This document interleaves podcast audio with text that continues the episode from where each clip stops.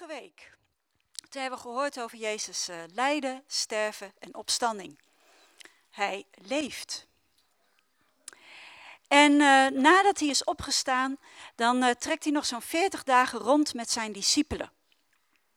En voordat hij naar de hemel gaat, dan vragen zijn discipelen aan hen: Heer, gaat u nu het koninkrijk herstellen? En Jezus antwoordt daarop met het volgende in Handelingen 1, vers 7 en 8.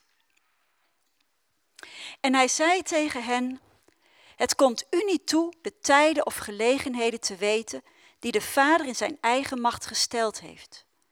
Maar u zult de kracht van de Heilige Geest ontvangen, die over u komen zal, en u zult van mijn getuige zijn, zowel in Jeruzalem als in heel Judea en Samaria en tot aan het uiterste van de aarde. Met andere woorden, de discipelen hoeven de tijd dus niet te weten. Maar ze moeten wel weten dat ze zijn getuigen zijn. Daar draait het om. U zult mijn getuige zijn. Dat is belangrijk. En deze woorden, deze opdracht die Jezus zijn discipelen geeft, het zijn Joodse discipelen, die klinkt hen helemaal niet uh, onbekend in de oren. Zij wisten van deze woorden. Jezaja had immers 800 jaar geleden exact hetzelfde gezegd, door bij, uh, geïnspireerd door God. U zult mijn getuige zijn. En we vinden die versen in Jezaja 43, vers 10. En samen met de omliggende versen, vers 8 tot en met 13, geven ze belangrijke informatie over wat het Oude Testament zegt over getuigen. Want u dacht toch niet dat ik uit het Nieuwe Testament ging spreken? Hè? En deze vijf versen uh, zijn een uh, behoren tot een veel groter betoog in Jezaja. En dat grote tekstgedeelte begint in Jezaja 42 vers 10 en eindigt bij uh, eh, 44 vers 22. En u begrijpt dat dat een iets te lang stuk is om dit met u te lezen. En toch is het heel belangrijk om goed grip te krijgen op wat dat getuigen zijn inhoudt in het Oude Testament hier in Jesaja. En daarom heb ik de opbouw ervan even op de beamer gezet. En um, dan moet je even een stukje terug. Eén slide eerder. Ja. Als we kijken, dan uh, begint het grootste, grote tekstgedeelte begint met de zekerheid van Gods verlossing. En die zekerheid had Israël op dat moment heel hard nodig. God had namelijk tegen Israël gezegd: Omdat jullie steeds ontrouw zijn, zal ik jullie in ballingschap sturen. Jullie hebben mij niet meer lief, maar jullie hebben afgoden lief. Jullie luisteren niet meer naar mij, maar jullie luisteren naar afgoden. En daarom zal ik je in ballingschap sturen. Ze waren blind voor Gods verlossende werk en ze waren doof voor wat God tegen hen zei. En daarom gingen ze in ballingschap. Maar tegelijkertijd met de belofte van de ballingschap zegt God tegen hen, ik zal jullie ook uit die ballingschap halen. Ik zal jullie weer terugbrengen in dit beloofde land. Ik zal jullie opnieuw verlossen. En dat is de zekerheid die ze krijgen daar aan het begin van het gedeelte van Jesaja. En als ze dan verlost zijn, dan moeten ze in het tweede tekstgedeelte, moeten ze dan getuigen van Gods uniekheid. Nou mag de volgende sluit op. En als eerste daarvan zegt God tegen hen, u bent mijn getuige. Als ze weer verlost zijn, en dat niet uit genade, uh, juist, sorry, juist uit genade, maar niet door eigen werken. Als ze verlost zijn, als ze die geest weer hebben gekregen, dan zullen ze getuigen van Gods uniekheid. En die getuigenis, dat getuigenis zal bewerken dat uh, de volken zullen erkennen dat er maar één rots is. En dan mag de volgende op. Er is maar één rots. En het zal laten zien dat de dienaars van afgoden, ze zijn niets. Ze weten niets, ze begrijpen niets en ze zijn doof en blind. Ze zijn ziende doof, ziende blind en horende doof. En het aanbidden van die afgoden, dat leidt tot de dood. Maar zij die aan God denken, en dat is dan het laatste stuk van dat Jezaja, zij die aan God denken, zij zullen worden vergeven.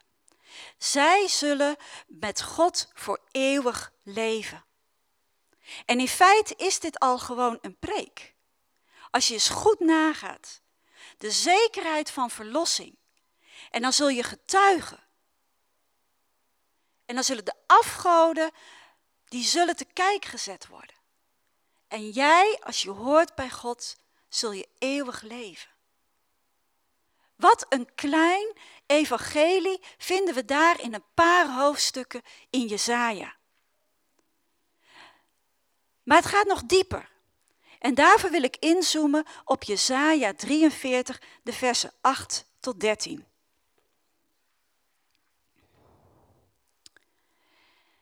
Laat het volk dat blind is, al heeft het ogen, en de doven, al hebben zij oren, uittrekken.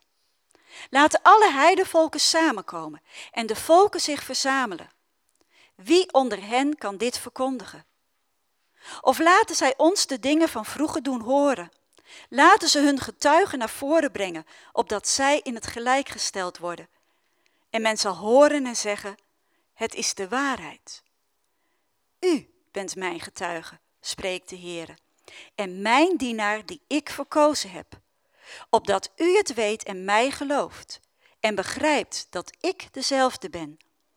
Voor mij is er geen God geformeerd, en na mij zal er geen zijn. Ik, ik ben de Heere. Buiten mij is er geen heiland. Ik heb verkondigd en ik heb verlost en ik heb het doen horen en er was geen vreemde God onder u. U bent mijn getuige, spreekt de Heere, dat ik God ben. Ook voor de dag er was, ben ik. En er is niemand die uit mijn hand kan redden. Ik zal werken en wie zal het keren? In deze verse spant God als het ware een rechtszaak aan. En Yahweh daagt de afgoden uit en hij zegt, kom maar naar de rechtbank. Laat maar zien, laat de rechter maar beslissen wie gelijk heeft. Wie van ons is nou God? Zijn jullie dat afgoden of ben ik dat Yahweh? En als getuige van die rechtbank moet enerzijds het volk Israël opkomen en anderzijds moeten de heidevolken komen. En zij zijn de getuigen.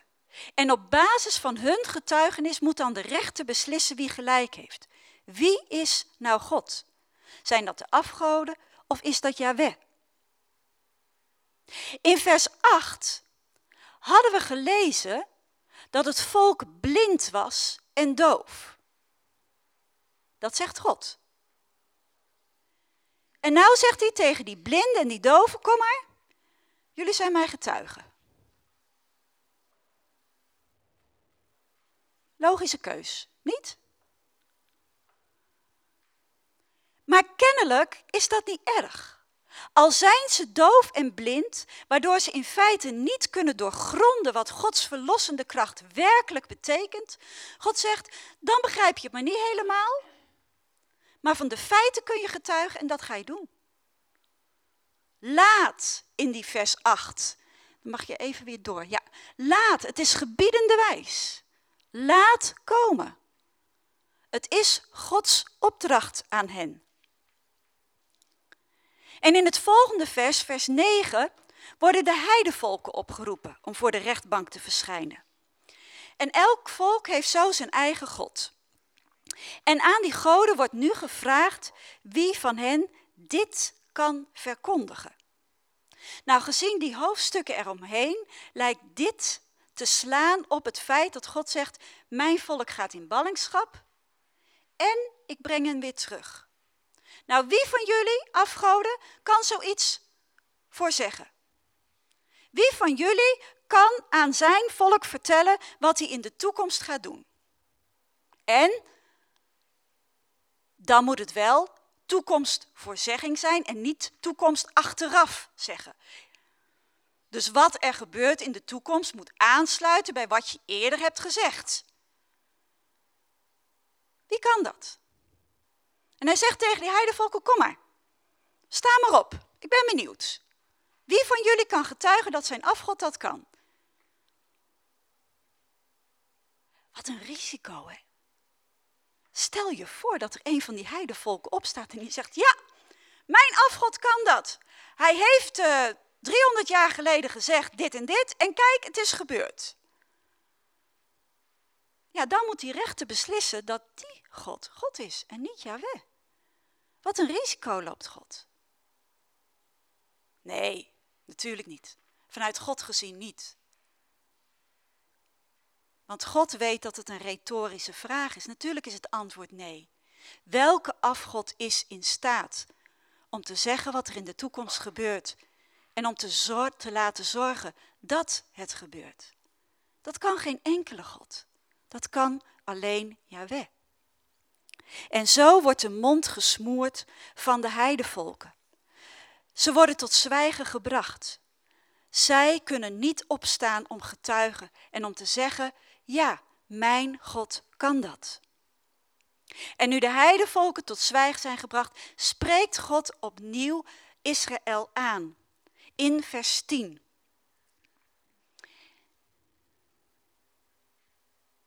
Volgende. U bent mijn getuige. In het Hebreeuws uh, verdisconteer je het persoonlijk voornaamwoord in het werkwoord. Dus als ik zeg loop, weet iedereen dat het ik is. Even vanuitgaan dat het niet gebiedende wijs is, want loop heeft als enige geen t, dus het moet ik zijn. Dus het Hebreeuws gebruikt eigenlijk nooit persoonlijke voornaamwoorden. Tenzij ze iets willen benadrukken. En dat is hier gebeurd. En eigenlijk staat hier, u, u bent mijn getuige. De nadruk ligt op Israël. Israël, jij bent mijn getuige. Het is dus de taak van Israël. Zij moeten het doen. God zal het niet doen, zij moeten getuigen. En die zinsnede spreekt de Heere, benadrukt dat het een goddelijke opdracht is. Het volk is Gods getuige omdat Hij het zo bepaald heeft. En getuigen zijn in het Oude Testament is een verantwoordelijke taak. Dat is niet zomaar iets wat je even doet. En de rechten en de plichten van een getuige liggen ook in de wet vast. En een getuige speelde niet alleen een belangrijke rol bij het tot stand komen van een vonnis, maar ook bij de uitvoering ervan. Zij helpen mee bij de uitvoering. Zij zijn daar verantwoordelijk voor. En als je in het Oude Testament wel iets hebt gezien, maar je legt geen getuigenis af, dan wordt dat gezien als zonde. Dan wordt het ook gezien alsof jij diezelfde zonde hebt gedaan. Dus als ik zie dat iemand een moord pleegt en ik getuig daar niet van, dan wordt die moord mij ook aangerekend.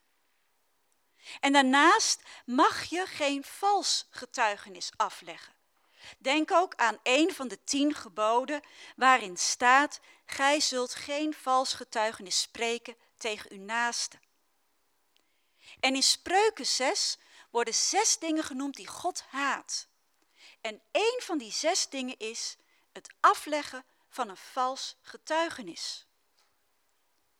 In het Oude Testament moet je dus getuigen als je iets gezien of gehoord hebt. En jouw getuigenis moet waar zijn. Nog mensen die in het Oude Testament willen leven? Dat je moet getuigen en dat het waar moet zijn. Voor Israël geldt dat. En zij krijgen hier dus ook de verantwoordelijkheid om te getuigen. En eigenlijk is het heel ironisch. Want een van de dingen waarom ze in ballingschap gaan, is omdat er geen recht is in die tijd. Amos, een andere profeet, die zegt namens God, zij haten wie in de poort opkomt voor recht. Ze hebben een afschuw van wie de waarheid spreekt. Dus van Israël wordt nu gezegd, jullie zijn leugenaars. Nou, ze waren al doof, ze waren al blind en het zijn leugenaars. En nu zegt God, U bent mijn getuige. Dove, blinde leugenaars. U bent mijn getuige. Parallel aan mijn getuige in vers 10 is en mijn dienaar die ik verkozen heb. God heeft Israël in Abraham uitgekozen als zijn dienaar, als zijn knecht. En ondanks hun blindheid, hun doofheid en hun leugens, blijft Gods verkiezing van kracht. Het is dus niet door de geweldige dingen die het volk doet, maar het is door Gods geduld, door wat Hij in het verleden, heden en toekomst doet. Daarom zijn ze zijn dienaars. En uit dat parallelisme blijkt dat beide taken worden geïntegreerd. Gods dienaar en Gods getuige zijn horen bij elkaar. Het een vloeit uit het andere voort. God had Israël gekozen als zijn dienaren, opdat ze zouden getuigen. Wie het rijk van God wil verkondigen, moet er zelf deel van uitmaken, moet zich er zelf aan onderwerpen hebben, moet er een dienaar van zijn. En dat is niks niet oud-testamentisch, dat lezen we ook in het Nieuw Testament. Want wie krijgen de grote opdracht in Matthäus te horen? Dat zijn niet de fariseeën tegen wie Jezus zegt, gaat heen, verkondigt, doopt en onderwijs. Nee, het zijn de leerlingen van Jezus tegen wie hij dat zegt. De mensen die drie jaar lang met Jezus hebben opgetrokken. En die in het dagelijks leven hebben geleerd hoe ze zich moeten gedragen en wat hun houding is. Die hebben gezien wat liefde is, wat vergevingsgezindheid is, wat vrijgevigheid is, wat ontferming is, wat gehoorzaamheid is. En deze mensen, die het zelf gezien hebben, die zich hebben gebogen onder die heerschappij van God, daar zegt Jezus dan tegen dat grote zendingsbevel.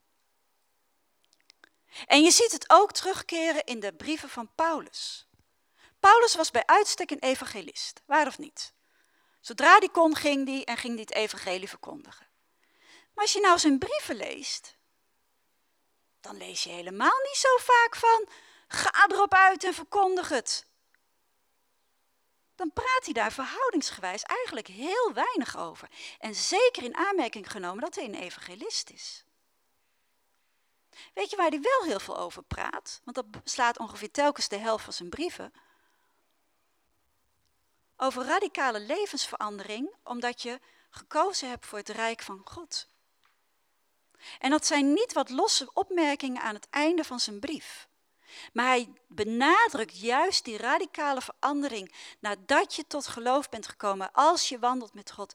Want dat is je getuigenis. Daartoe ben je geroepen. Dat zal mensen veranderen. Daardoor zullen mensen nieuwsgierig worden.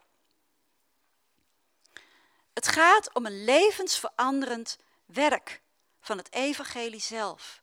Dat zal mensen aantrekken. En zo betuigt hij dat ook over zichzelf in Handelingen 26.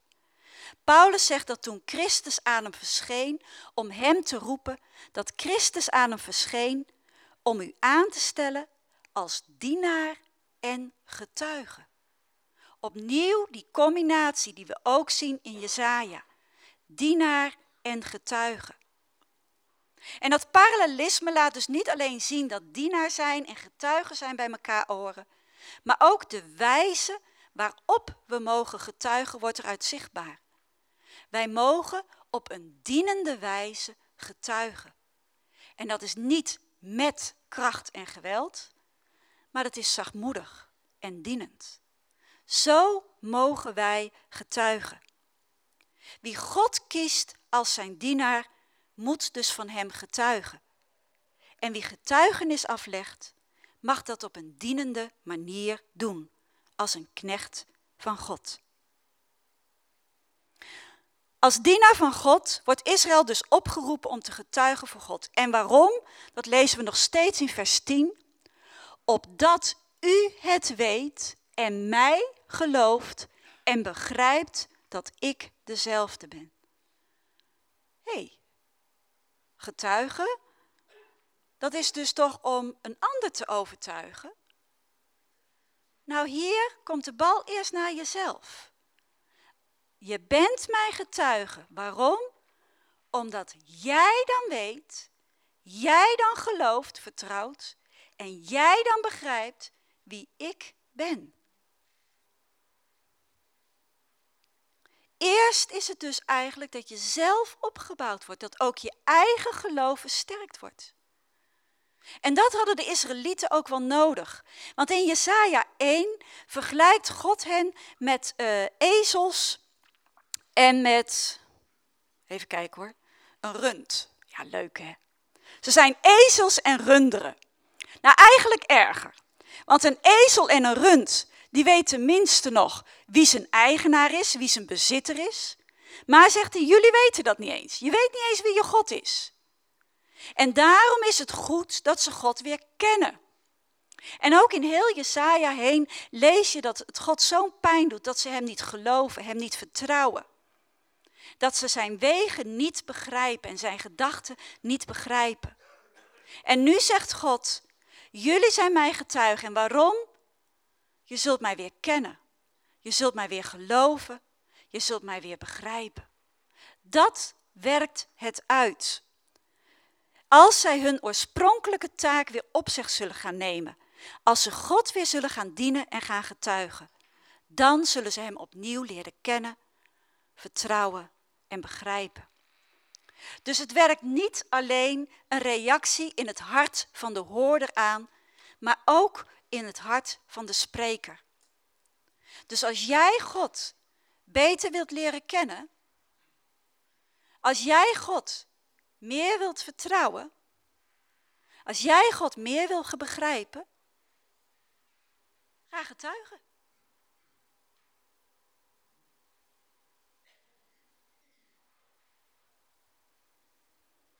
Waarvan moet Israël dan als dienaar van God getuigen? Nou, in de versen 10b, 11, 12 en 13 worden drie kernpunten genoemd. Als eerste moeten ze getuigen van het feit dat alleen Yahweh God is. In vers 10b en c. Dat ik dezelfde ben. Voor mij is er geen God geformeerd en na mij zal er geen zijn. En in vers 12d dat ik God ben. En in vers 13, ook voor de dag er was, ben ik. Yahweh is God. Er is geen God voor hem, er is geen God na hem. Er was geen God voor hem en er zal geen mens na hem zijn. En dat betekent dat God uit zichzelf bestaat. Hij is. En als Israël getuigt, zullen zij en de volken niet alleen ontdekken dat God liefdevol is, machtig is, barmhartig is, maar bovenal God is. En dat houdt dus ook in dat Hij eeuwig is. Voordat de schepping er was, voordat de afgoden er waren, was Hij. En Hij zal er altijd zijn. Hij is dan ook niet geformeerd, gemaakt. En dit is een leuke steek onder de water naar die afgoden. Want wat zijn afgoden? Die zijn gemaakt. Mensen maken er een beeld van, maar niet alleen een uiterlijk beeld, ook in hun hoofd maken ze een beeld. Die afgod moet zo heten, hij moet dat gedaan hebben, hij moet dat kunnen. Die afgoden zijn geformeerd en hier zegt God, ik ben niet geformeerd. Met andere woorden, je kunt mij niet vergelijken. Hou er dan ook mee op. Ik ben niet geschapen. Ik ben niet gemaakt. Ik ben. En daarom alleen is Hij God. Want alleen Hij is. Hij is eeuwig. En als tweede moeten ze getuigen dat God de loop van de geschiedenis bepaalt en doet wat Hij belooft. In vers 12 lezen we. Ik heb verkondigd en ik heb verlost. Ik heb het doen horen. want er was geen vreemde God onder u. En in vers 13, en er is niemand die uit mijn hand kan redden. Ik zal werken, wie zal het keren? In vers 9 werden de heidevolken opgeroepen om te getuigen dat hun goden in staat zouden zijn om de toekomst te voorzeggen en machtige daden te doen aan de hele volken. En geen van die heidevolken, geen van die goden kon dat. En nou zegt God, maar ik kan het wel. Wat ik heb aangekondigd, dat gebeurt. En wat nu gebeurt, dat heb ik aangekondigd. Wie heeft eh, Abraham een land beloofd? Welke afgod was daar toen bij? En welke afgod was erbij toen ik tegen Mozes zei: Neem dat soortje maar mee, ik leid jullie uit Egypte en breng jullie naar het beloofde land? Welke God was daarbij? En welke God bemoeide zich ermee toen ik met jullie een verbond sloot bij de Sinaï? Geen enkele. Alleen ik. Jawel. Alleen ik heb dat gedaan. Alleen ik heb je land, vrijheid en een verbond beloofd en waargemaakt. Alleen ik heb het bewerkt. Er is geen andere God aan te pas gekomen. En als we zo kijken naar de geschiedenis van Israël, dan is dat het levende bewijs dat God niet alleen voorzegt, maar dat hij ook zijn belofte waarmaakt. En dat kan alleen als jij die heerschappij hebt. Dat kan alleen als jij regeert over de geschiedenis. Want dan kun jij niet alleen iets zeggen, maar het ook doen. En zo laat God zien, ik regeer. En daar moeten ze van getuigen. En als derde moeten ze getuigen als Gods dienaars dat alleen Yahweh de verlosser is. Vers 11. Ik, ik ben de Heere. Buiten mij is er geen heiland. Opnieuw zien we hier dat niet alleen in dat Hebreeuwse werkwoord het persoonlijke voornaamwoord zit, maar dat het nog eens expliciet wordt gezegd om de nadruk erop te leggen. Ik, ik alleen. En zo bevestigt vers 11, de versen 10 en 12, dat alleen Yahweh God is. Meestal worden deze woorden, ik, ik ben de Heere, gevolgd door, buiten mij is er geen God. Eigenlijk is dat een beetje standaard in Jesaja. Zodra, zodra je leest, ik, ik ben God, dan lees je erachter en buiten mij is er geen God. En nou lezen we, Buiten mij is er geen heiland. Waarom opeens heiland? Nou, ergens ook wel logisch. Want hoe komen ze aan dat land? Hoe zijn ze bevrijd uit Egypte? Hoe komen ze aan dat verbond? Alleen maar door Gods verlossende genade. Telkens laat God weer zien in de geschiedenis van Israël: ik red, ik bevrijd, ik verlos. Dat is hun getuigenis. En dat moeten ze nu vertellen. En in feite zegt, is, moet Israël dus zeggen, Yahweh staat synoniem met heiland, met verlosser. Yahweh is een verlosser. Hij is de enige rots, de enige God, de enige redder. En Israël moet dus, omdat ze Gods dienaars zijn, getuigen van Gods identiteit. Hij is. Ze moeten getuigen van zijn soevereiniteit. Hij heerst over de geschiedenis.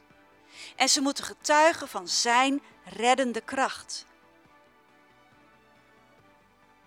Menselijk gezien is dit ongeveer het stomste wat God had kunnen bedenken.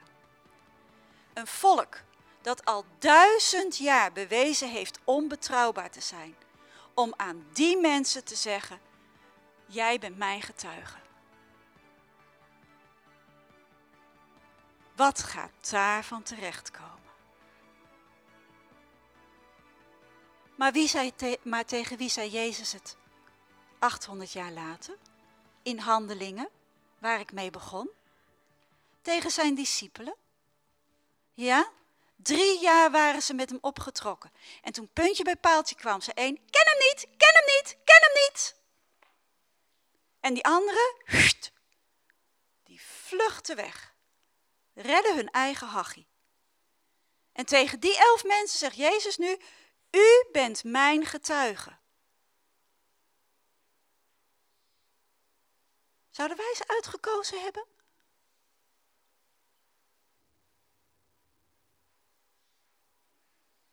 Maar zoals altijd, als God iets opdraagt aan zijn volk, geeft hij ook wat nodig is om te doen wat hij vraagt. En in Jesaja 44, wat deel uitmaakt van dat grotere tekstinhoud, belooft God ook zijn geest. En hier in handelingen belooft Jezus zijn discipel ook zijn geest. En hij zegt, als die geest over je komt, dat zal je leven veranderen. Dan zul je kracht ontvangen. En dan zul je een betrouwbare getuige van mij zijn. Betrouwbaar met betrekking tot mijn identiteit, met betrekking tot mijn soevereiniteit en met betrekking tot mijn reddende kracht. En als Jezus in handelingen tegen zijn discipelen zegt, u bent mijn getuige, dan zegt hij in feite niets nieuws tegen deze Joodse mensen. En toch is alles anders. Want de beloofde verlossing is in Christus werkelijkheid geworden. Wat in Jezaja toekomstmuziek was, is nu volbracht.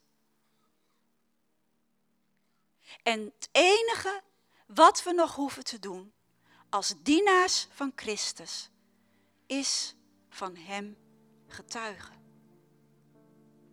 U zult mijn getuige zijn.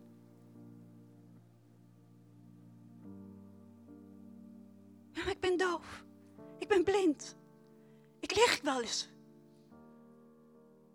U zult mijn getuige zijn.